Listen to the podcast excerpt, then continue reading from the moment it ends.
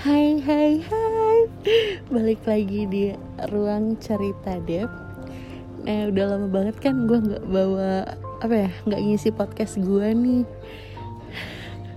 Gimana kabar kalian? Semoga happy-happy aja ya. Semoga kalian baik-baik aja Dan kalian sehat-sehat aja Oke? Okay? Oke okay, kali ini Gue mau ngasih Apa ya? Gak nih Mau membacakan cerita dari salah satu temen gue yang udah cerita di DM Instagram gue karena waktu itu gue minta kan coba dong tolong sharing tentang percintaan kalian itu kayak gimana? Nah akhirnya ada temen gue juga yang mau cerita yang mau sharing-sharing pengalaman percintaannya ke kalian. Oke okay? kita dengerin yuk ceritanya.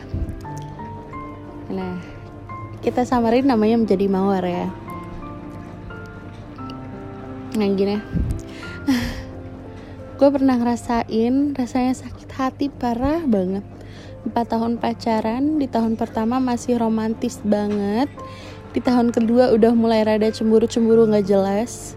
Nah pas di tahun ketiga dia mulai deket sama cewek dan itu ketahuan sama gue nah dia minta maaf sama gue Iya, gue maafin. Dan gue pikir setelah gue maafin dia, dia gak bakal ngelakuin hal itu lagi. Ternyata pikiran gue salah. Tepat keempat tahun gue pacaran sama dia, orang tua gue dan orang tua dia mulai ngomongin tanggal pernikahan. Nah, tepat di saat itu juga dia selingkuh. Sempet gak percaya pasti kasih tahu sama temen dekatnya dia Nah pas dikasih tahu sama sepupu dan adiknya dia, gue baru percaya. Sumpah, gak ada angin, gak ada hujan, tiba-tiba dia selingkuh gitu aja.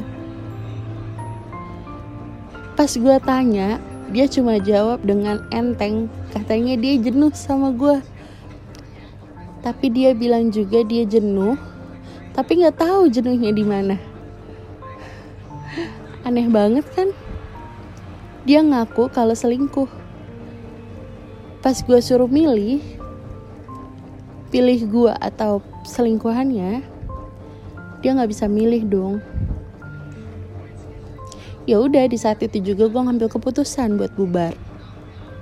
Sedih, plus malu sama orang tua karena udah ngomongin hal serius buat ke depan dan malah begini itu dia singkat ceritanya dari ceritanya Mawar kalau kalau menurut gue keputusan Mawar itu udah sangat-sangat tepat karena udah mau berpisah sama pacarnya. Dan juga kalau menurut gue juga ya orang kayak gitu tuh nggak pantas buat dipertahanin.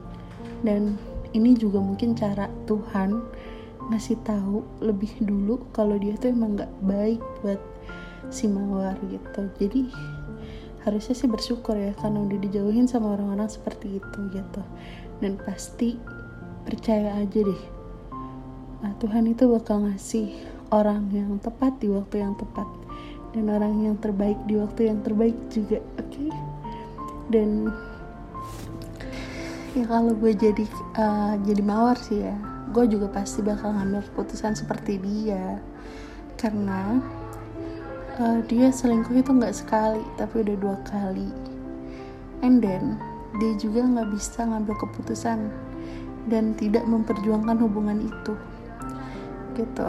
Jadi buat apa dipertahin dipertahanin kalau misalnya lawan lu tuh nggak mau memperjuangkan juga gitu? Sama aja percuma. Buang-buang waktu doang. Dan apa ya memang pasti susah banget sih buat ngelupain. Ya minimal minimal kita juga punya usaha buat menghilangkan rasa sayang itu kan. Kalau gue sih cara move on dari cara move on dari hubungan yang membekas banget itu ya cukup nggak ngubungin nggak berkontak uh, hapus sosial medianya hapus kontaknya benar-benar hilang kontak banget. Nah itu cara gue dan satu lagi gue harus punya orang baru yang emang storynya tuh lebih indah dari masa lalu gue itu pasti gue bisa move on. Kayaknya orang-orang jadi kayak gitu kayaknya ya. Semangat buat mawar. Semoga bisa move on dengan cepat dan singkat dan semoga dapat penggantinya yang lebih baik dari dia. And then makasih juga ya udah mau cerita di sini udah mau berbagi kisahnya di sini. Dan gue cuman berharap semoga lo dapet yang terbaik dari Allah Subhanahu Wa Taala gitu. Amin. Dan makasih juga udah dengerin podcast gue untuk teman-teman. Yang jangan lupa follow IG gue ya elah dep underscore. Jangan lupa jaga kesehatan. Jangan lupa banyak minum air putih. And then jangan lupa bahagia. Itu penting. Oke terima kasih. Bye bye